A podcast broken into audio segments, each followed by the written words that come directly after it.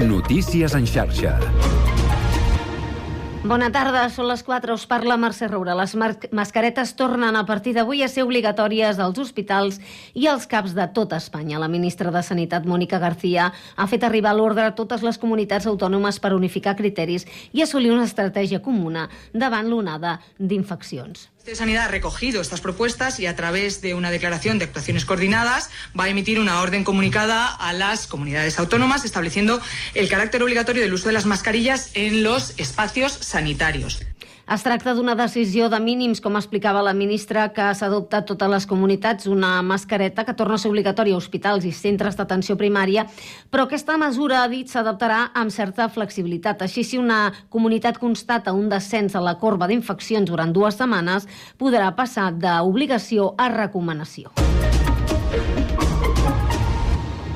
I estem pendents hores d'ara de saber el resultat de la votació dels tres decrets aprovats pel govern espanyol i que avui eh, s'han votat de manera telemàtica, recordem, en el Senat perquè el Congrés està en obres. Eh, podria ser la primera gran derrota de la eh, legislatura de l'executiu de Pedro Sánchez.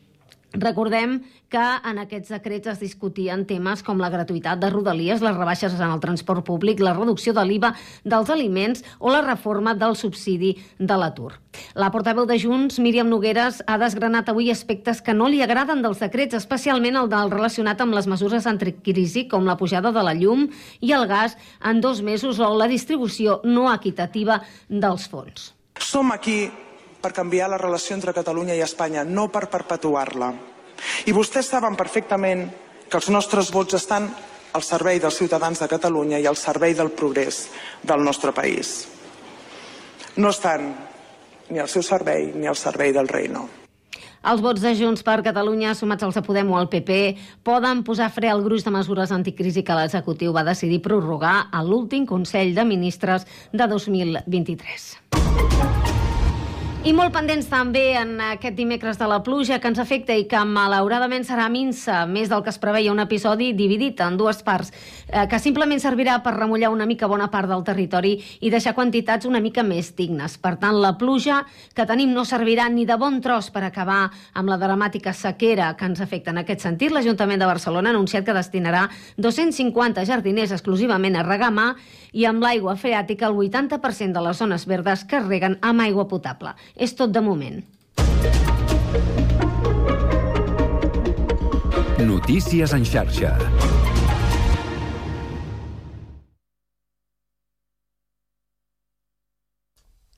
Quatre i tres minuts. Comença el Connectats.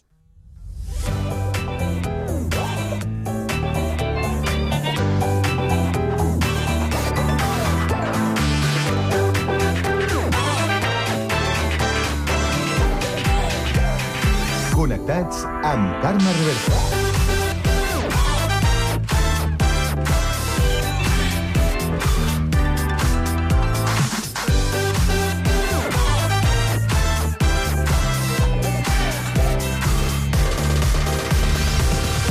Molt bona tarda, salutacions i benvinguts al magazín de tarda de la xarxa. Aquest Connectats de l'àrea metropolitana de Barcelona Programa que fem i que podeu seguir a través de Ràdio Sant Cugat, Ràdio Sabadell, la Municipal de Terrassa, el Prat Ràdio, Ràdio Ciutat de Badalona i Ràdio Castellà. Una salutació de tot l'equip conduït a la part tècnica per Pablo Valenzuela i de qui us parla, Carme Reverte. Avui és dimecres, 10 de gener, i volem saber quin temps ens espera aquesta tarda. Lluís Mi Pérez. Es va embolicant la troca, amb més núvols, més pluja, més neu, a hores d'ara moltes comarques, però s'ha de dir de partida que no tindrem un temporal de pluja i gran part del país país tindrà simplement pluges o nevades minces. De moment, al llarg d'aquesta tarda, la cota de neu estarà al voltant dels 500 metres aproximadament al nord de Lleida. De fet, hi neva a hores d'ara per exemple, cap a la Conca de Trem, i també la nevada acabarà sent força destacable al Montseny o les muntanyes de Girona, per damunt dels 1.000 metres d'altura. La pluja també s'anirà escampant amb més ganes i una mica més de constància a l'àrea metropolitana de Barcelona, la Catalunya central i les comarques de Girona, sobretot al Baix Empordà.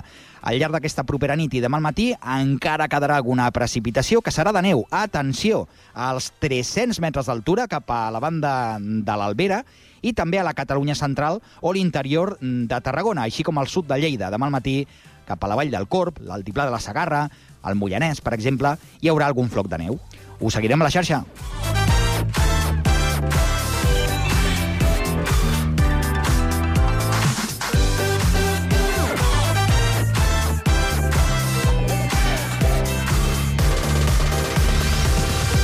Bé, doncs avui al Connectats continuarem insistint en la incidència de les malalties respiratòries i també del retorn de les mascaretes. En parlarem amb Eva González i Mireia Duc, responsables de l'equip de control de malalties infeccioses del BCA. Acabarem aquesta primera hora amb la tertúlia generalista, avui per parlar dels primers entrebancs en la nova legislatura i la paradoxa del Barça i la seva participació a l'Aràbia Saudita, on es disputarà a partir d'avui la Supercopa d'Espanya de Futbol. A partir de les 5 coneixerem la Societat Gastronòmica de Sant Cugat, Dom Cugat, i ho farem a través de dos dels seus responsables. Continuarem amb gastronomia per descobrir La Galana, una nova proposta a Sabadell, i acabarem amb les històries d'Oriol Carreras i Sergi Estapé, que aquest any estaran dedicades a coses d'ara han fet un canvi i ens ho explicaran al final del programa. Doncs tot això i més, des d'ara i fins a les 6 de la tarda, a la vostra emissora local. Connectats? Comencem.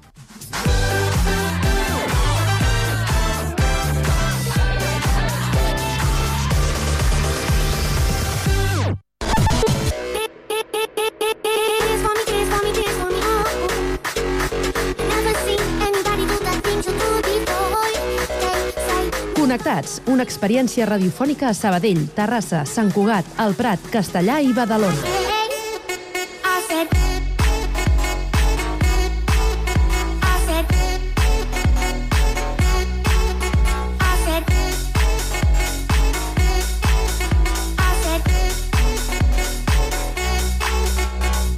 Connectats amb Carme Reverte.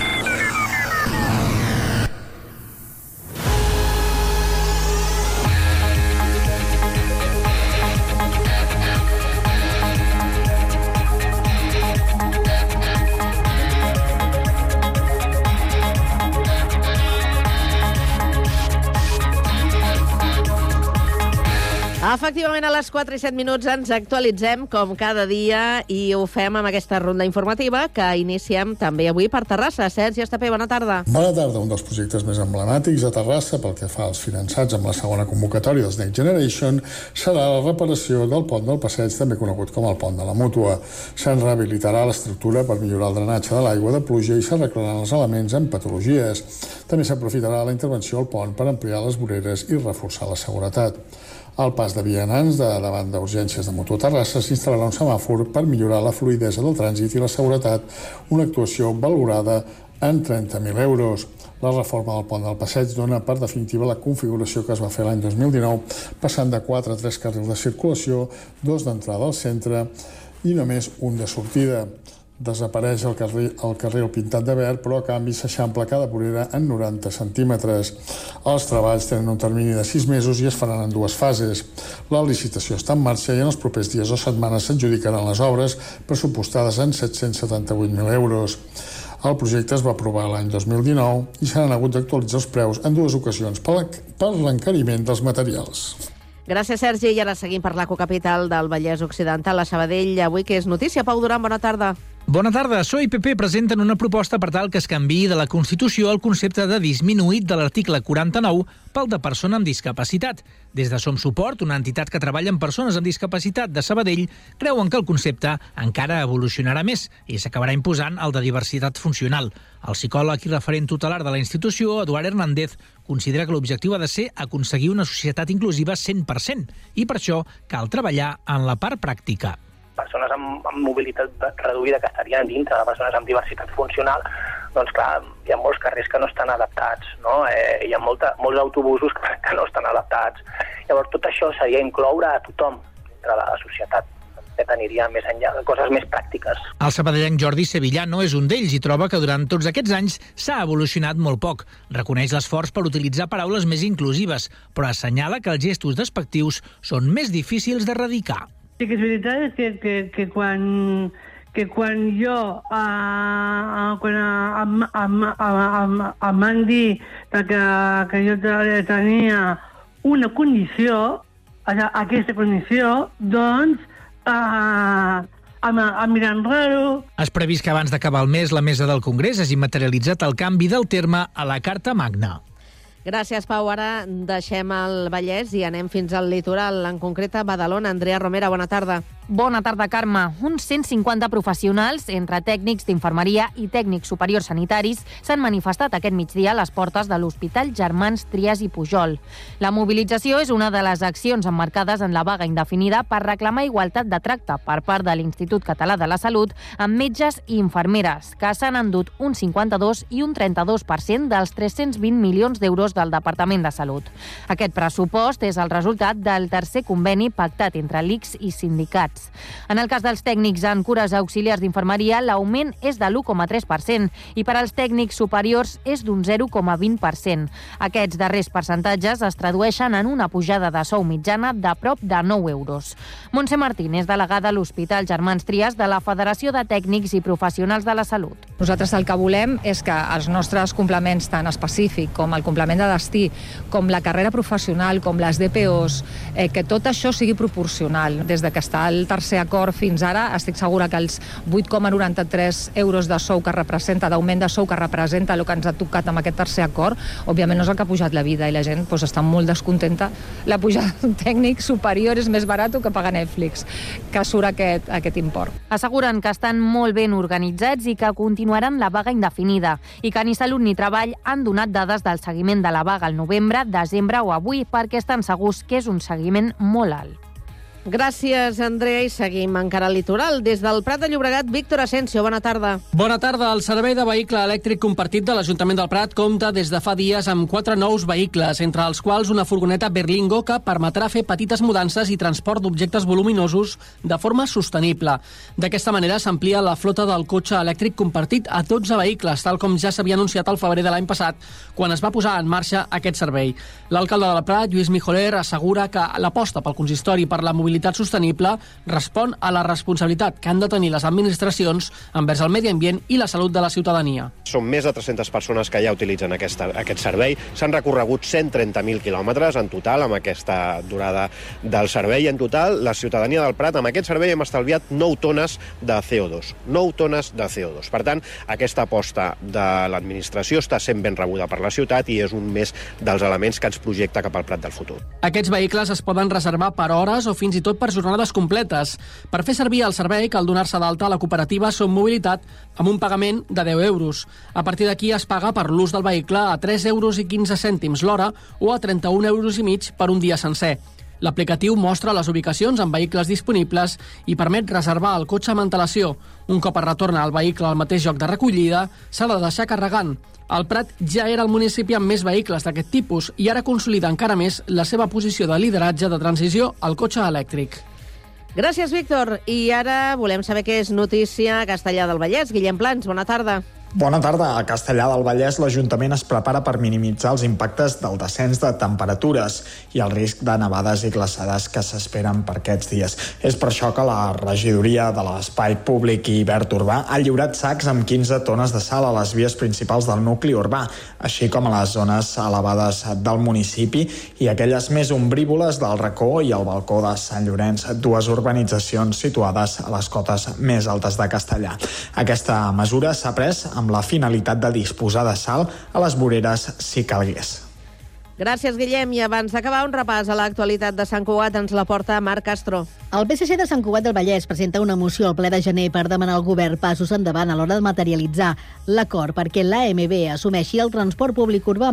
Els socialistes volen fer una pressió constructiva per visualitzar que és necessari per Sant Cugat del Vallès desencallar les negociacions amb l'AMB, que és qui té la competència perquè liciti el servei de bus, contracte caducat, per cert, des del 2018. Escoltem el regidor socialista José Gallardo. Volem col·laborar amb el nou govern per continuar avançant, perquè sabem que és un tema molt complicat. Jo ja he parlat amb la, amb la la Lluïsa Paraire, per ajudar-la en aquestes faltes, en aquest sentit, i avançar conjuntament en, en, bueno, en, en aquest servei a la ciutat, que és un tema de la ciutat que s'ha de resoldre en aquest sentit. El PSC, responsable de mobilitat de l'anterior govern, afirma que les converses entre l'Ajuntament i l'àrea metropolitana estan enrocades en el conveni de finançament que fixarà les aportacions econòmiques i les característiques tècniques que possibilitin la nova licitació. El regidor Gallardo vol encoratjar el govern, format per Junts i Esquerra, a tancar el conveni econòmic quan abans millor i així engegar el procés de licitació per millorar el servei autobús urbà.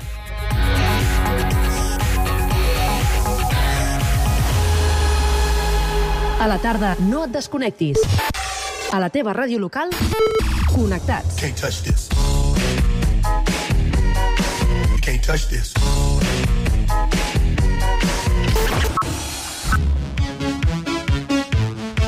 Can't touch this. Can't touch this. Connectats amb Carme Rebete.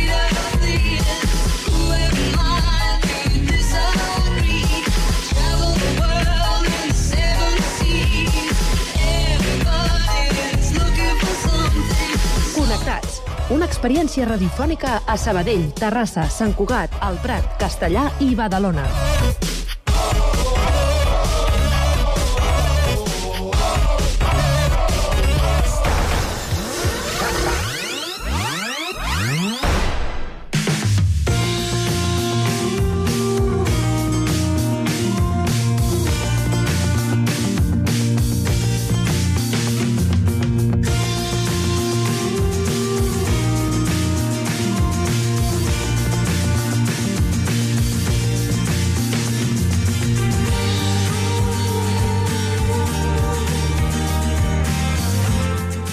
Des d'aquest dilluns, les mascaretes tornen a ser obligatòries als centres sanitaris i sociosanitaris. I és que la incidència de la grip s'ha triplicat a Catalunya les últimes quatre setmanes. En parlem amb les professionals responsables de l'equip de control de malalties infeccioses del BCA, Eva González i Mireia Duc, que es troben als estudis de Ràdio Ciutat de Badalona amb la nostra companya Andrea Romera. Doncs així és, Carme. Estem aquí amb la metgessa Eva González i amb la infermera Mireia Duc. Bona tarda a les dues. Bona Ah, tarda. bona tarda. Avui parlem de la grip, que estan al punt de mira des de ja fa unes setmanes, perquè, com bé deia la Carme al començar, la incidència de la grip s'ha triplicat a Catalunya durant les últimes setmanes. Actualment està en 189 casos per 100.000 habitants a Catalunya. I això us volia preguntar en quin grau d'alerta ens situa això. Es pot parlar d'una epidèmia de grip actualment? Sí que es pot parlar d'una epidèmia de grip. De fet, eh, cada hivern hem tingut una epidèmia de grip, o quasi cada hivern abans del Covid, no? Um, quan parlem d'epidèmia, el, que estem, el que ens referim és, és a un acúmul de casos d'una determinada malaltia que es transmet a la comunitat en una determinada regió, no? I, i és un augment com abrupte de tots aquests casos. Això és el que defineix una epidèmia, que és el que estem tenint. Aleshores, dins de l'epidèmia, el que ens situa una mica per saber en quin punt estem és el que s'anomenen llindars epidèmics. Els llindars epidèmics, eh, segons aquesta incidència, doncs ens situen en un determinat. En aquest moment ens trobem un llindar alt. Encara ens queda un llindar molt alt. Per tant, estem en un llindar alt, sí senyor, però bueno, encara, encara tenim sostre. Dius que estem en un llindar alt, però si comparem aquestes xifres amb anys anteriors i sobretot amb anys prepandèmia, en quina situació estem? En quin punt estem ara mateix? Si comparem aquestes xifres amb les xifres de dos anys anteriors, eh, estem bastant més per sobre. Les, les xifres d'incidència dels últims dos anys estaven aproximadament sobre 100 casos per 100.000 habitants. O sigui que ja estem per sobre. Però eh, en anys pre-Covid eh, aquesta xifra augmentava moltíssim. Hem arribat a estar a 400. Per tant, una mica estem a l'intermig, no? Potser una mica més cap a dalt que cap a baix, no? Però, però sí. Hi ha alguna franja d'edat o algun perfil en concret que estigui més afectat per la grip? És a dir, que es contagin més per la grip? Eh, segons les dades del departament, el que veiem és que la grip ara mateix afecta el grup etari que afecta especialment són dels 0 als 4 anys. Aquest grup és el que, està, el que té una incidència més alta en aquest moment. I quins serien els factors que propicien aquesta incidència tan alta? Se m'acut, per exemple, les festes de Nadal, no, que les acabem de passar i són dates de, de reunions molt multitudinàries, que estem en contacte amb molta gent que potser feia molt que no veiem i és més fàcil potser transmetre aquest tipus de, de virus. Sí. A veure, um, el fet de tenir aquesta incidència tan alta o alta um, és, sempre és multifactorial, no? Aquí entren diverses coses en joc. Evidentment les festes de Nadal i el, el tema reunions familiars amb molta més gent, les aglomeracions, el ventilar menys, eh, té un paper evidentment fonamental el fet de deixar de posar-nos la mascareta com ens hem anat posant altres vegades, el virus en si, que muta i que es pot fer més contagiós aquest any que un altre. Hi ha diversos factors que, que ens porten aquests números, no? Un altre d'aquests factors, Mireia, imagino que també és la vacunació. Aquest any com, com ha anat aquesta campanya de vacunació? De moment no és la taxa que esperaven al departament. Ahir Manel Balcells deia que ells esperaven una tassa aproximada del 75% i ara estan sobre un 40%. Sí que és veritat que la població, sobretot que hi ha menys vacunació que ells esperaven, és entre 60 i 70 anys, que és on també hi ha un risc potencial. Si en canvi la gent de partir de 75 anys sí que la taxa és més o menys el 60, quasi 70%.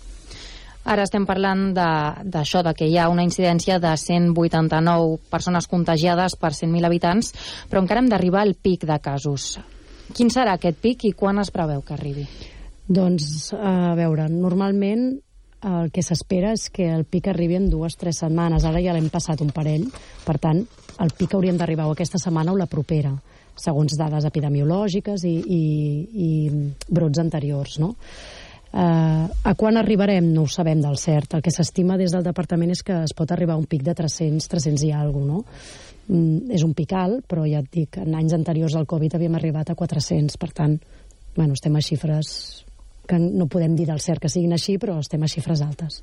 I la pregunta del milió, Mireia, els centres d'atenció primària i els hospitals estan preparats per afrontar aquest pic?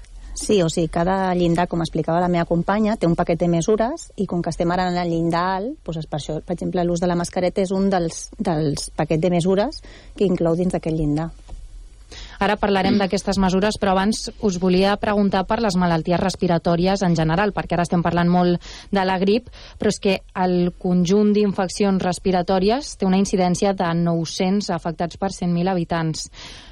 Us volia preguntar, també, la mateixa pregunta que abans, en referència a anys anteriors, com estem, i quins són aquest conjunt d'infeccions respiratòries? Pel que fa a com estem respecte a altres anys, ens situem més o menys en els mateixos llindars que anys anteriors al Covid. Evidentment, mm, sempre hem de, hem de parlar d'anys anteriors al Covid, perquè els últims dos anys, tres anys, eh, ha sigut una miqueta més baix perquè tenia protagonisme era el Covid, no? Um, I la segona part era perdona, quins tipus d'infeccions o de virus teníem en aquest... Sí, sobretot perquè s'està fent, s'està utilitzant el concepte sopa de, de, sopa virus. de virus. Sí, ho hem sentit diverses vegades, és veritat. Per saber quins són, no?, sí. els virus d'aquesta sopa. A veure, els virus d'aquesta sopa, el, els, els principals virus de les infeccions respiratòries serien la grip, el Covid i el virus sensicial respiratori. A part, tenim tota una sèrie de virus que són els que ens, produ ens, que ens provoquen els refredats comuns, no? el rinovirus, enterovirus, adenovirus, però tots aquests no ens produeixen una infecció respiratòria de vies baixes, sinó és més aquests quadres de congestió, no? Però essencialment serien grip, Covid i el virus respiratori sincitial. I en el cas de la Covid s'ha registrat també un augment d'ingressos als hospitals catalans. Um, a la Covid, tot i que la incidència no és massa alta, està entorn dels 57 mm, casos per 100.000 habitants, Uh, el fet és que la franja etària que més afecta és la gent gran, gent major de 70 anys, major de 80 anys, són els més afectats per Covid. Clar, estem parlant de persones que ja tenen uns, unes comor comorbilitats i unes patologies prèvies. Per tant, la possibilitat d'ingrés és molt més alta. Aleshores, ara mateix tenim bastants Covids ingressats, però de moment va guanyant la grip. Abans et preguntava per la vacunació de la grip, però ara et pregunto també per la vacunació de la Covid. Com, com ha anat aquest any? La vacunació de la Covid tampoc ha tingut massa, massa seguiment aquest any. Anys anteriors ha anat bastant millor. Aquest any, sobretot aquesta franja, no coincideix amb la, amb la vacuna de la grip. La franja de 60-70 anys és una taxa bastant baixa. Sí, sí. Ara parlarem de les mesures, que ja les hem comentat una miqueta al principi, perquè, clar, davant d'aquest augment de casos de malalties respiratòries, doncs s'han implantat mesures, i una d'elles és l'obligatorietat de dur mascaretes als centres sanitaris i sociosanitaris, que a Catalunya ja és obligatori des d'aquest dilluns. Com heu rebut els professionals sanitaris aquesta notícia? Bueno, les mesures en el fons sempre es fan segons el llindar, que és el que comentava la meva companya. Llavors, no és que arribem tard, sinó quan hi ha una taxa de, de població afectada, doncs s'implanta el paquet de mesures. Nosaltres ho hem rebut bé, perquè ja fa molts, bueno, ja portem com unes dues setmanes anteriors a aquesta que Per exemple, veiem que hi havia un augment de, de familiars que entraven a les habitacions, no? i ja nosaltres ja començàvem a notar no? aquest augment, vull dir que el fet de l'obligatorietat també el que farà és reduir el que són els contagis tant els professionals que nosaltres ja la portàvem des de fa temps, sobretot com els familiars, usuaris que venen a visitar-se. Es preveu que l'obligatorietat de dur mascaretes es podria fer extensiu a altres espais, com per exemple el transport públic o, o alguns altres espais públics? És, és el mateix tema, si, depèn de si puja el llindar o no, aniran, aniran fent el paquet de mesures. També s'han posat sobre la taula d'altres mesures, com les baixes automàtiques i les declaracions responsables d'absència, que al final sembla ser que no s'implantaran, no? Està la cosa així, així. Creieu que són necessàries mesures d'aquest tipus més estructurals? I si ho són, quines creieu que serien les més òptimes, si al final aquestes no surten endavant? A veure, el tema de les baixes, si hi ha una pressió assistencial, si tu els hi rebaixes feina burocràtica, doncs clar, poden fer més la feina que assistencial, que és la que, que els, hi fa, els, hi fa, els hi dona més, més volum de feina en aquest moment, vull dir que jo crec que sí que és una bona idea. I per acabar l'entrevista anem a parlar una mica de consells. Primer, consells de prevenció. A banda de les mascaretes, quins consells ens donaríeu? Doncs mira, sobretot és rentar-se les mans, utilitzar mascareta, com has dit tu, després utilitzar mocadors de paper per estornudar o, o estornudar amb el, amb el colze, després una bona ventilació, acompanyat de la, de la, de la vacunació, i també evitar, doncs, evidentment, si està refredat, o et poses la mascareta o evites les reunions socials, que clar, és el moment de contagi, que és el que sobretot ara vindrem, ara pagarem les conseqüències dels Nadals, segurament, no? perquè ens hem reunit i molta gent doncs, no... El que deien, sobretot el Manel Balcells, és apel·lem a la responsabilitat de la gent, vull dir, no... Ara que deies lo del el tema de les reunions dels Nadals, també ens trobem en un moment en què els nens tornen a l'escola, que tornem a la feina, i suposo que una mica el mateix, no? Clar, sí, sí. I en cas de símptomes, com podríem distingir entre si és Covid, si és grip, si és un refredat convencional? Ens podeu donar algun truquet? En si, la grip i el Covid van molt relacionats. La diferència, sobretot, té així algun punt més característic, és que el Covid eh, tens la pèrdua, pots tenir, perquè no sempre és així, la pèrdua d'olfacte i pèrdua de gust, però en si els símptomes són molt similars. I el refredat sí que és inici més, més paulatí, una cosa més, més, més tranquil·la, i el, la grip i el Covid sí que són d'inici brusc té acompanyats de febres altes, segurament, moltes vegades. Després el refredat és o febrícula, que és a menys de 38 graus, o no febre. Molts esternuts, tos... I si en canvi el, la grip i la Covid no té tants esternuts. Però bueno, com que hem patit tots, en el fons grips hem tingut sempre, la majoria de gent, i Covid jo crec que quasi tota la població hem, estat, hem tingut una o dues vegades, vull dir, més o menys Sí, sí, això segur. I un altre dels punts importants en aquest moment és no saturar els centres d'atenció primària ni les urgències. Aleshores, ens podríeu dir en quins casos recomaneu anar a acudir a un CAP o a un hospital i en quins és millor que ens quedem a casa i que no patim, que això se'ns passarà? A veure, primer, en cas de dubtes, el que es pot fer és ja el telèfon de, del 061 es pot consultar. També es pot fer via telefònica avui en dia, no?, a l'atenció primària. I si veiem que amb antitèrmics, no?, que en fent repòs, portes 3, 4, 5 dies, no?, amb febres altes, que no... Doncs sí que és el moment d'anar a urgències. Fer un ús és, la idea és fer un ús adequat per intentar no saturar el servei que ja per si ja està saturat. Vull dir, intentar una miqueta fer un ús racional. I no automedicar-se, no? Això és No. una cosa que a vegades se'ns escapa i ho fem una mica. I sobretot pensar que estem parlant, com, com ben dit, no? una sopa de virus. virus. Els virus no volen antibiòtic, no en necessiten. Per tant, no tirem de- d'antibiòtic que tenim per casa ni coses així, no? que podem fer més mal que bé. Doncs moltes gràcies per acompanyar-nos aquesta tarda. Recordem a l'Eva González i la Mireia Duc, professionals responsables de l'equip de control de malalties infeccioses de BCA. Gràcies per explicar-nos una mica més i fer-nos entendre el que està passant, que a vegades amb tant bombardeig d'informació se'ns escapen moltes coses, i per donar-nos tots aquests consells de prevenció que els tindrem molt en compte. Gràcies a vosaltres. A vosaltres.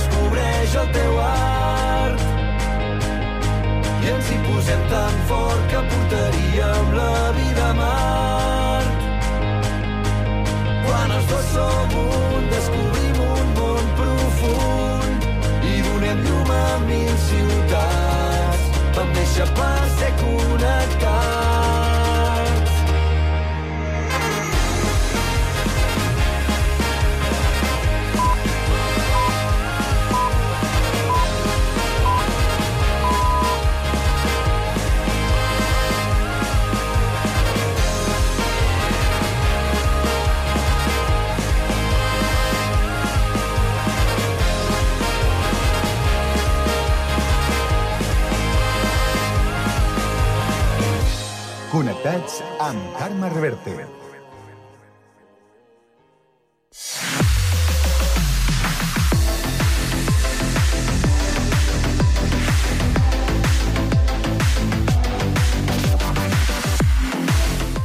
Passa un minut de dos quarts de cinc de la tarda i ara és moment per a l'opinió. La tertúlia Tres Bandes avui la compartim amb Emili Miquel, que és exdirector de Correus i el tenim al Prat. Emili, bona tarda i bon any. Hola, molt bona tarda i bon any també per tots vosaltres. També plou al Prat? O no? Nou al Prat? No, no. No, no, no que si plou, plou. Ah, perdó, em pensava que si era nou. No, no, ja porto molts anys al Prat.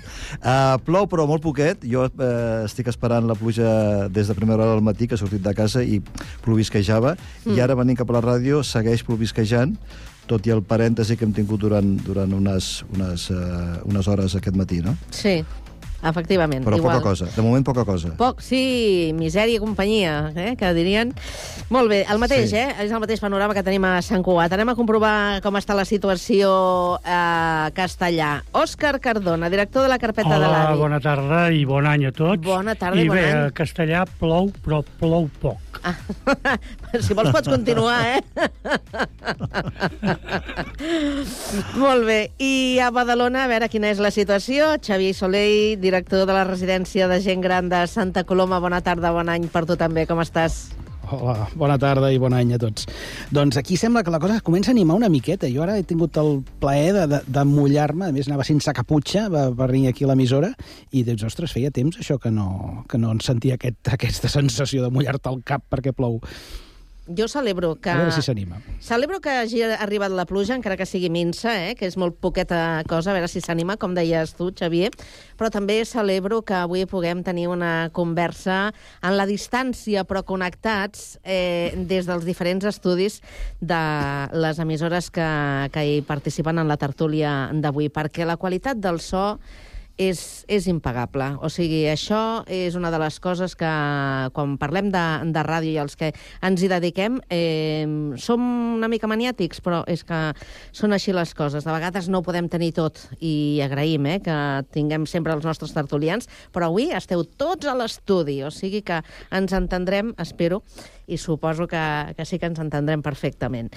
Bé, doncs, eh, comencem parlant de, del que seria la represa de, de l'actualitat política, del curs polític després de les vacances de, de Nadal, que més comença amb una important prova de foc. Eh, avui hi ha sessió eh, del Parlament, que no a, a la cambra de, pròpia de, del Parlament, sinó que s'està fent al, al Senat, i hi ha una sessió on eh, s'estan debatent i s'han d'aprovar tres reials decrets eh, que necessiten doncs, eh, la majoria per tirar endavant. Però què passa? Que el president del govern, el govern espanyol, es troba ja amb els primers obstacles, les primeres pedres a les sabates. I és que Junts eh, no està per la labor de, de donar els, els seus vots i tampoc Podem. No sé com, eh, com veieu la, la, la situació de la informació que mm, s'ha generat al llarg de, de, de la jornada, com, com veieu les possibilitats que es puguin arribar a acords i que això tiri, tiri endavant. Com veieu el, el panorama? davant d'aquesta primera mm, situació de, de... un Rubicon, podríem dir, no?, que es troba el, el govern espanyol. Qui vol començar? Emili, tu mateix? Bé, jo ma- Oh, mira, l'Òscar, jo- va. Bé, bueno, no m'atrevia perquè el tema és complex. Uh, vaja, era d'esperar de que es posessin pals a les rodes a cada eh, cosa que s'hagués que s'hagués de- d'aprovar. I aquesta és la primera mostra que en tenim d'aquest nou govern, que crec que ho passarem tots bastant malament, sobretot si no es posen d'acord i no hi ha ganes de posar-s'hi. Aviam, eh, és, era, era esperable, eh, era d'esperar això que ha passat, això que passa. Malgrat tot, encara en queda l'esperança de que arribin a un acord. Però vaja, diuen que l'esperança és l'últim que es perd. El que passa és que, clar, estem davant d'una situació, això d'aprovar un munt, un cabàs de, de, de, de, de coses sense tenir mm, molt clar, vull dir, no sé, el públic en general, eh, es parla de tres reials decrets que, que aglutinen una sèrie de, de mesures que alguns, si llegim la lletra més petita, doncs segurament que, que, que sí que sabem de, de què estem parlant. Estem parlant de coses que ens dir, afecten. Això de l'òmnibus, no?, que li han posat tot. Sí, tot en Com el si mateix... fos un autobús. Sí, tot en un mateix eh, calaix, però estem parlant, per exemple, d'un reial de, mm, decret eh, que, que parla de- de- d'un paquet de, de mesures anticrisi, després hi ha un segon decret que parla de, del subsidi de- d'atur, i després un tercer decret que em sembla que és eh, la, diríem, el de la discòrdia, que és aquí on Junts eh, ha dit que, que aquí s'han de, fer, de fer canvis.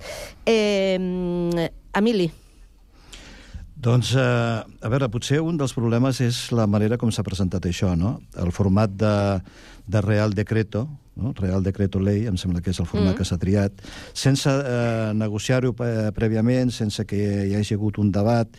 Clar, per això doncs, es pot entendre que Podem i que Junts demanen que això es retiri i que es torni, però com, una, com un eh, projecte de llei i que pugui ser debatut i que es puguin presentar esmenes. Quan una cosa es presenta així, a més eh, tot en un sac, i si no ho aproveu sou dolents perquè aneu contra contra mesures anticrisi i us poso aquest xantatge emocional, no? i haureu d'explicar als vostres electors per què eh, esteu en contra de, de mesures que eh, afavoreixen sobretot a la gent més feble, que, que al final som, ho som tots, no? que, que estem patint, de, estem patint aquesta, aquesta crisi, la pujada de la, de la llum, etc etc. doncs clar, potser no és la millor manera de presentar-ho, no? Jo crec que potser hauria estat més raonable doncs, fer un projecte de llei que es pugui debatre i que es puguin presentar esmenes. Mm. Bé, jo diria que això que acabes Deixem- de dir és totalment cert. Òscar. Perdona, potser m'he adelantat. Sí, sí, deixem el Xavier, tanquem la ronda i després t'incorpores un altre cop. Vinga. Sí, a veure, mira, uh, si es presenta per Real Decret, bàsicament és perquè la, la discussió parlamentària que exigeix un projecte de llei és més lenta i, o, i poden suposar mesos. Però a la via del Real Decret, que és una cosa àmpliament utilitzada, és una via per donar aquest cas per donar continuïtat ràpidament a mesures que d'alguna manera, si no es, es mantenen, eh, poden provocar doncs, un, un, un daltabaix en el sentit, no només un daltabaix social, sinó el fet de que d'alguna torna d'alguna manera retorni a una situació anterior, no? Per això aquesta figura del Real Decret i per això aquesta discussió parlamentària en un mes que precisament és, eh, diguéssim, de vacances parlamentàries, perquè precisament estem discutint això el dia 10 de gener, quan habitualment les, eh, les, cambres parlamentàries, tant Congrés com Senat, al gener, diguéssim, són eh, no, no hàbils a nivell de, de, de, de dur a terme la seva activitat pròpia parlamentària. Per això aquestes mesures han d'anar per Real Decret o per decret. Clar, eh, home, jo aquí tinc una, una... Aquí sí, Junts en aquest cas, o Podemos, però Junts especialment, que aquí està fent valdre aquest, aquesta força, no? aquesta decisió tàctica de, de dir no, eh, una mica doncs, eh, com un avís, a dir, escolta, això no aprovarem res si abans, mm, tot, tota aquesta legislatura, abans no es, es procedeix a una, a una discussió prèvia i a un debat previ amb nosaltres. No? Però aquesta decisió tàctica que penso que és impopular, que penso que és una mesura més de, de politiqueig que altra cosa, és també amb un objectiu de desmarcar-se clarament de l'altre gran partit d'aquest país, que és Esquerra Republicana, no? i d'alguna manera per marcar paquet i poder dir, escolta, nosaltres no estem per aquesta, per aquesta labor, de, diguéssim, d'assumir tot el que se'ns presenta, sinó que nosaltres aquí... Clar, aquí aquesta, aquesta forma d'actuar, de, no, jo crec que no facilita gens la, la, la, la governança i, per tant, a mi em dóna la sensació que en aquest moment eh, Junts està fent un paper més de, de copaire, eh, de cup, que no del que havia sigut, potser en alguns casos eh, no havia estat ben rebut, però el que havia sigut l'antiga Convergència, no? que no té res a veure. I, per tant, jo no sé si molta gent que en aquest moment hi ha Junts eh, comparteix aquesta manera d'actuar, que és el que penso. I per què? Perquè, efectivament, aquesta el, el no aprovar-se, si no s'aproven, perquè encara no sabem, al final, el resultat de la votació em sembla que encara no, Fins a no s'ha hora. no, no exacte. Si no s'aproven, si no s'aproven, efectivament aquest, aquest paquet de mesures anticrisis o el fet de no aprovar doncs, una revalorització de les pensions, que això es podia posar en marxa aquest mes de gener, el fet de tornar als IVAs que tenien aquests aliments bàsics que tenien abans d'aquestes mesures, abans de, eh, ja fa un any i pico. Eh, per tant, això suposarà, per la butxaca d'entrada, per la butxaca del consumidor, una, u- una, això suposarà calés. El fet de no eh, assumir, continuar amb la gratuïtat del transport públic eh, aquest mes de gener. Eh, bueno, esclar, si això és així, o el manteniment, ja et dic, de, de, de, el fet que al final de mes es puguin revaloritzar doncs, eh, pensions o altres tipus de mesures doncs, com a subsidis de, de, de, de desocupació, no? Clar, això, ostres, mm, no sé si s'ho han si, han, si, si la, la, la, la previsió a l'electorat eh, de, de Junts o aquí això ho veurà de forma, de forma positiva, no? O aplaudirà aquest tipus de posicionament. Jo no ho acabo d'entendre. Mm. Òscar, Bé, jo crec que quan un està en un equip de futbol, tot el que fa ell ho fa bé. Mm, I viceversa. Si uns, al contraris, fan coses ben fetes, difícilment se'ls hi, se hi reconeix. I penso que l'electorat, malauradament, normalment el fan anar per on te volen perquè diguéssim que són més hooligans que no, diguéssim, gent que realment pensi en totes les conseqüències que poden tenir aquests actes. Jo l'exposició que acaba de fer el meu company em sembla perfecta i estic totalment d'acord amb el que acabes de dir, perquè penso que és aquest el problema. Com s'arregla tot això? Si uns, com acabes de dir, volen marcar paquet per diferenciar-se dels altres i, a més a més, amb una finalitat teòricament en comú, que és, diguem, la independència de Catalunya, que, vaja, jo sóc molt pessimista amb aquest tema, però, vaja, això no, no té importància el que jo pensi. Ara bé, eh, penso que, que la cosa és difícil d'afrontar, perquè el PSOE a mi em dóna la impressió de que ha tirat endavant això també per marcar paquet. Escolta, nosaltres som els que manem, crec, intueixo. I clar, els altres això no s'ho en passen. O sigui, que estem amb un exocat i ja veurem com acaba, perquè encara no sabem com pot acabar avui. Jo espero que acabi bé. Vull dir, jo que sóc pensionista, penso que m'ho arreglin encara que sigui una miqueta. Bueno, tu, i, i els altres també, eh? Esperem que això acabi bé. M'imagino, m'imagino. Perquè... Tranquils, a, a l'hora de, de repartir diners ens hi apuntem tots, cony, que som catalans. És que si no ens, si no ens toca per una banda, ens tocarà per l'altra, eh? Emili? I tant Clar, que sí. No, i, encara, I encara que no fóssim catalans. Però això de També, marcar paquet... també. Jo, clar, jo crec que això de marcar paquet tothom... Eh, tothom eh, arrima, no?, que diuen els castellans, el asco a su sardina. Eh, Esquerra Republicana vol sempre, doncs, des de, sempre, des de fa uns anys, mostrar-se com un partit, de, un partit madur, de govern, que sap eh, pactar, que sap arribar a acords, que és moderat, que és ponderat, etc etc. Eh, quan es parla de, de Junts, eh, es diu, és que aquests eh, convergents, bé, és que Junts jo no, per enlloc veig convergència. És veritat que procedeixen de Convergència, però el Junts actual eh, és un partit que és més radical, molt més radical en, en moltes, eh, moltes eh, postures, mm, molt més radical que Esquerra Republicana. El mateix Feijó va dir eh, en el debat d'investidura és que eh, Junts no tienen nada que ver con Convergència, per desgràcia, no? per, per, per ells, no? perquè Convergència tenien un aliat, una, una, un partit que sempre estava disposat a arribar a acords per la governabilitat, pel bé del país, i aquests que són eh, independentistes radicals, per dir-ho d'alguna manera, no? Doncs eh, han dit eh, és que nosaltres no venim aquí a ajudar a, a, a que Espanya vagi, vagi millor, a que Espanya doncs, solucioni els seus problemes. Nosaltres hem vingut aquí a fer la independència. I si nosaltres sospitem que en, aquest, en aquests tres decrets hi ha, hi, ha, hi ha gato encerrado, és a dir, que l'amnistia serà més difícilment aplicable i que el Tribunal eh, europeu dels drets humans eh, ho tindrà més complicat per, eh, per, perquè s'apliquin eh, les seves sentències, perquè tenim la figura del, de l'advocat de, de l'Estat, no? que ja té un paper, que ja ha tingut un paper que, i que volen que en tingui un altre després al final. Si tenen sospites, doncs tu pots estar d'acord amb aquesta estratègia o pots estar absolutament en desacord, com sembla que és el vostre cas. Però és la seva estratègia, de la mateixa manera que Esquerra Republicana té una estratègia pactista i d'ajudar a, a, a, a governar Espanya i de que Espanya doncs, millori, però no és, la, no és diguem, l'ideari de, de Junts, i ho han dit moltes vegades, nosaltres no hem vingut aquí a arreglar els problemes dels espanyols. I tu pots estar molt, molt en desacord amb això. Però quan es va formar aquest... Eh, quan es va investir a Pedro Sánchez, i quan es va formar el govern, ja sabíem que la legislatura seria complicadíssima perquè havien hagut d'anar a buscar tothom, gent molt distant i molt diferent, i posar-los d'acord. I ara doncs, es veu que la cosa realment era tan complicada com preveiem, no?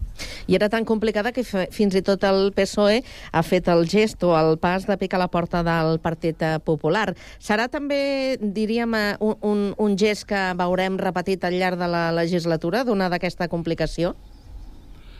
Bé, jo sí, però penso la, la resposta no serà la mateixa. Eh? La resposta serà la mateixa sempre. Òscar. Bé, bé, bé, no, jo penso que, que vaja, el, el, els polítics fan, mm, diguéssim, um, acords amb gent que moltes vegades no s'ho pensaria. O sigui, fan estranys companys de llit. I, per molt estranys que puguin ser, si els hi convé, pactaran amb qui sigui.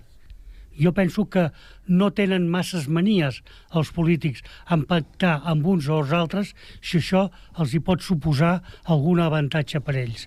Per tant, no, no crec massa en l'ètica política. Vull dir que, si convé, pactaran amb qui sigui, malgrat tinguin els socis que tenen, que és l'ultradreta, clar. De fet, a veure, jo també veig això, una mica el que també comentàvem abans. Eh, Junts està instal·lat eh, des de, des de l'anterior legislatura en una política més d'oposició que de facilitar cap govern eh, o facilitar mm, polítiques de govern. Això també des de que va marxar el, del govern aquí a, a Catalunya, del govern de la Generalitat. Per tant, es, en, en caràcter general, l'actual, diguéssim, l'actual equip, mm, grup parlamentari a Madrid o, o de l'actual direcció, no, ja dic, penso que no són pas totes les ànimes que hi ha dins de Junts, en aquest moment estan instal·lats en aquesta postura més frontista i més de, de no a tot, no? I de no facilitarem res, i en qualsevol cas, bueno, doncs a, a, a passar pel tubo. Bueno, veurem si això eh, eh, és, té uns resultats o els acaba també eh, portant una certa irrellevància, perquè bueno, doncs la CUP també ha fet aquest paper i després resulta que a l'hora de la veritat eh, ha tingut algunes davallades electorals bastant importants fent aquest paper. Um, no, no, no veig que eh, aquest encaix actual, diguéssim, de, la- de, de, de, i aquesta posició que avui segurament es, es pot veure reflectida al Congrés, no veig que sigui el que en aquest moment penso que interessaria al, al conjunt de l'electorat de, de, de Junts. I a més a més, aquí cal recordar que aquests tipus de, de mesures que en aquest cas podrien decaure beneficien també en aquest país a moltíssima gent no a Espanya, sinó aquí a Catalunya. Per tant, sí, sí. no sé això quina re- reacció pot, pot suposar. Eh? Però vaja, escolta'm, eh, queden, queden anys encara i queden molts debats parlamentaris, no? Vull dir que segurament això d'aquí uns mesos potser no se'n recordarà. Però això és el xantatge constant que ens fan eh, des, de, des de Madrid, en aquest cas des del PSOE. Si no aproveu aquestes mesures magnífiques, progressistes, que nosaltres us presentem i que milloraran la vida de la gent d'una manera molt significativa, aquestes mesures anticrisi, eh, per unes punyetes que vosaltres, per marcar paquet, com dieu vosaltres, doncs resulta que eh, el país ho pagarà i els vostres conciutadans, els mateixos catalans, ho pagaran, això. Llavors esteu obligats a votar, a votar a favor. Eh, si no voteu a favor de la investidura de Pedro Sánchez, doncs molt bé, no tindreu a Pedro Sánchez, que no és que sigui cap meravella, però tindreu, a, tindreu el PP i a Vox. Per tant, esteu obligats. Llavors, aquest xantatge, jo entenc que pugui haver gent que digui ja n'estem tips, ja n'estem tips. Nosaltres votarem allò que pensem que hem de votar sense pensar si això resulta que... Eh, perquè vosaltres ens esteu fent un xantatge constant que és inadmissible. I és això. Vull dir, al final hi ha gent que se'n cansa. I tu pots estar d'acord, pots estar en desacord, pots pensar que ara no convé, que ens hem d'oblidar del partidisme, de la ideologia i que hem de fer, hem de, hem de, hem de fer un esforç perquè resulta que el moment és crític, però els moments crítics són un darrere de l'altre i sempre ens diuen el mateix. No som, no som cap meravella, però, si plau, alliberen aquests. Eh, això potser, doncs, eh, és veritat que tenim aquí gato encerrado perquè ens hem, de, ens hem de tornar a fer amics dels jutges, però, escolta, és que demà el veí us dirà que la llum, eh, la llum ha pujat. I vosaltres què direu? És el xantatge aquest, aquest xantatge que, que, que, que ens persegueix i que ens té una mica, a mi i a altra gent, ens té una mica cansats. I sempre caiem el mateix parany. Per tant, el desllorigador de tot això, quin podria ser? Perquè, clar, clar mm, si per una banda apreten, l'altra també, eh, jo no veig la solució. I una cosa, eh, Espanya es pot emprenyar molt, eh? Vull dir, jo penso que de la mateixa manera que quan es va fer el referèndum crec que no es va tenir en compte què podria passar, al tanto que ara també podrien passar coses. Vull dir, mm, a mi jo no me'n fiaria massa de la bona fe dels espanyols i del pactisme. Quan se'ls gira l'allò, poden fer coses rares. No sé si m'explico. No sé, Sí. jo crec que fer, fer política, fer política és, és uh, partir de les teves idees i dels teus, com- de les teves conviccions, però arribar a pactar, tenir capacitat de pacte i d'acord. Òbviament, hi ha, hi ha, òbviament. evi evidentment, hi ha formacions que en aquest moment doncs, la tenen i altres formacions que en aquest moment estan més a gust, jo dic que estan més a gust, en el no acord.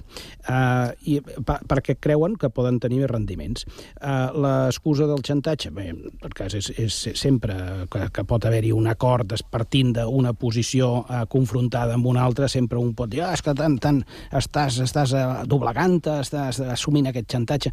A veure, eh, el fet, un argument, el fet de dir que, els, que introduir una mesura que els jutges puguin eh, plantejar als tribunals europeus, la, per exemple, abans de la qüestió com a qüestió prejudicial, l'aplicació, en aquest cas, de la llei de, d'una llei, o, o podria ser la llei de, de l'amnistia, és un tema que, malgrat es pugui introduir a nivell legislatiu, ara per ara ja ho poden fer, i ja ho han fet, i per tant no és, és reconèixer una situació que ja està passant, que un jutge pot sol·licitar, en aquest cas com a qüestió prejudicial, eh, acudir a, la, a les instàncies judicials europees i preguntar doncs, si això està d'acord amb els valors comunitaris o no. no? Però dir que, a veure, arguments n'hi ha per totes bandes. Ara, jo crec que n'hi ha uns que se senten més còmodes en aquest moment marcant paquet. Vinga, eh, canviem de paquet, deixem el paquet de la política i ens en anem, ens anem Passem- passem a un paquet. altre. A un altre paquet. Aquest és un altre paquet també interessant. Potser és més eh, El, el, el paquet econòmic. Rubiales, vols dir? O, o el paquet... Oh, això ja tindria moltes Un lectures. un Tindria moltes lectures, Emili. Eh, però, no, però posem que és un paquet eh, econòmic. Eh? Us en recordeu de la frase poderoso caballero en dos, és don dinero? Eh, Sí. de, del senyor Quevedo, doncs, eh, clar, mm, davant d'això i davant de la necessitat, eh, equips com el Futbol Club Barcelona, eh, el Madrid no sé si necessitarà tants, però vaja, Atlético de Madrid i, i Osasuna eh, s'enfronten en aquesta Supercopa d'Espanya que ja fa uns anys, quatre, si no m'equivoco aproximadament, que s'està disputant a l'Aràbia Saudita, precisament per aquell senyor que tu anomenaves ara, Emili, eh, que es va Sí. encarregar de fer els negocis i els pactes amb aquests eh, senyors que necessiten fer una mica un rentat d'imatge de, de, del seu país per tot allò dels eh, drets humans. Eh, S'ha qüestionat, eh, diríem, els consells que han donat eh, des del Futbol Club Barcelona, la Federació Espanyola, als seguidors que es desplacen a, a, a aquest país per, eh, per, per seguir en directe aquests enfrontaments. I parlant de la situació de, de, del país, de la vulneració de, de drets humans i, i de les quanties econòmiques que els hi representen els clubs que, que hi participen i fins i tot a la federació, eh, no sé quin és el vostre punt de vista al respecte de, de tot plegat. Molt ràpid, que tenim pocs minuts. Farem sí, una ronda. jo crec, que, jo crec que ho has dit molt bé, Poderosa Caballeros Don Dinero. És a dir, quan ells van posar, em sembla que va ser fa dos anys o tres anys, perquè ja portem dos anys, celebrant eh, la final de la Supercopa a l'Aràbia Saudita en aquest nou format, quan ells van posar 240 milions al damunt de la taula, doncs clar, qui diu que no? no? Són 240 milions, eh, és una, era una, un torneig o una, una final que estava ja una mica diguem, una mica... havia passat de moda una mica, la gent ja no tenia molta, molta, moltes ganes de, de, de veure-la. No, No Perquè tenia gaire prestigi. Exacte, s'havia desprestigiat en, en els últims anys i llavors van voler, amb aquest format de, de Final Four allà a l'Aràbia Saudita, perquè posaven 240 milions al damunt de la taula, i el president de la federació va dir, mira, uns per mi, uns altres pels clubs i uns altres pels intermediaris. Els intermediaris sempre hi són, no? Mm. I llavors, eh, doncs clar, eh, ara ha veus crítiques, jo entenc perquè el país no és gens agradable, no? un país que no es respecten els drets humans eh, i que no respecten, eh, no és un país eh, democràtic, però és eh, l'únic país que posa, que posa aquesta pasta, que és una pasta que va molt bé i que, i que la gent la necessita i que qualsevol, repeteixo, qualsevol diu que no, no? Mm. Jo Què? diria que... Perdona, no sé si havies acabat. No, no, no, sí, sí, ja, ja havia dit el fonamental. No, jo diria que putos n'hi han molts. Només falten socis capitalistes. I en aquest cas l'han trobat. Perquè això és vendre's. Un país tan antidemocràtic, tan xenòfag, tan, vaja, desestructurat de totes maneres, tan diferents en els nostres valors i que per diners es vagin allà i a més a més ens haguem de baixar els pantalons deixant els nostres plantejaments mm, de les nostres ideologies eh, diguéssim ben amagadets perquè no s'emprenyin això se'n diu fer la puta i la ramoneta. I en aquest cas a la puta som nosaltres. Això és una mica el peix al cova, també, no? Sí, va També, per aquí també, la sí. cosa, eh? Sí, va per aquí. però Vull dir, el que- el el Majestic, que- d'això tenia alguna cosa a veure, també. Xavier. Home, no, aquest, aquest exemple de la Supercopa Aràbia Saudí és el millor exemple és el millor exemple de, de, de que el món del futbol en aquest nivell, en aquest nivell superior, està mogut únic i exclusivament pels diners. Perquè què estem aconseguint? Aquests diners que, que venen d'Aràbia estem aconseguint també, i els drets televisius que hi ha darrere, primer, els aficionats aquí no pinten ni, ni res, perquè aquí no hi ha cap aficionat que se n'hagi anat a Aràbia a veure el partit, vull dir que no hi haurà ningú que vagi allà a animar el seu equip, això és una tonteria. Però és que, a més a més, estem blanquejant un país, que això ja li interessa molt, a través d'aquests 240 milions, per fer veure que, que és una altra cosa del que realment no és, que és una autèntica dictadura autoritària religiosa. Molt bé, Però- doncs, no és que no Sí. ens queda, no ens queda, no ens No, queda no, massa no, més res, temps. Res, Digues. res. Jo volia parlar, volia parlar del Girona i qui hi ha al darrere del Girona. Home, ara som tots del Girona. Sí, Clar. som tots del Girona, però Sí. ens oblidem que al darrere de Girona hi ha un conglomerat de capital eh, de la, Sí. dels Emirats Àrabs, eh? Vull dir que això també... Vinga. No, no en parlem d'això. Ja, ja en parlarem un altre dia. Emili, Òscar, Xavier, que vagi molt bé la tarda i gràcies. Que vagi bé i que Bona plogui. tarda i que plogui, que plogui. I que plogui. Adéu-siau. El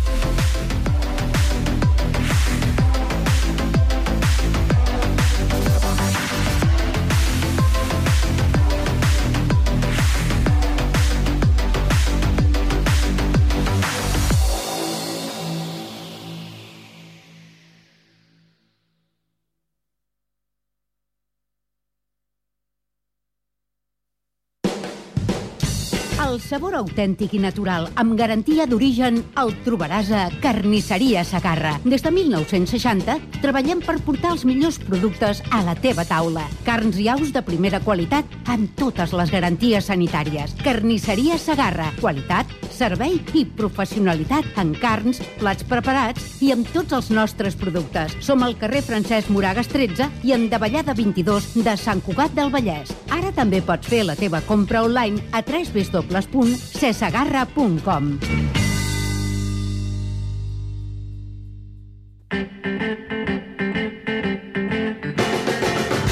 A Sant Cugat, Braseria La Bolera, el restaurant braseria situat al vell mig de la ciutat. Més de 20 anys oferint la més alta qualitat en tots els seus productes. En amanides, carns, verdures, Braseria La Bolera. Amplis menjadors per a celebracions familiars, batejos, comunions, casaments... Braseria La Bolera. Els que ja la coneixen sempre hi tornen. Baixada de l'Alba 20, al costat del monestir. Telèfon 93 674 1675.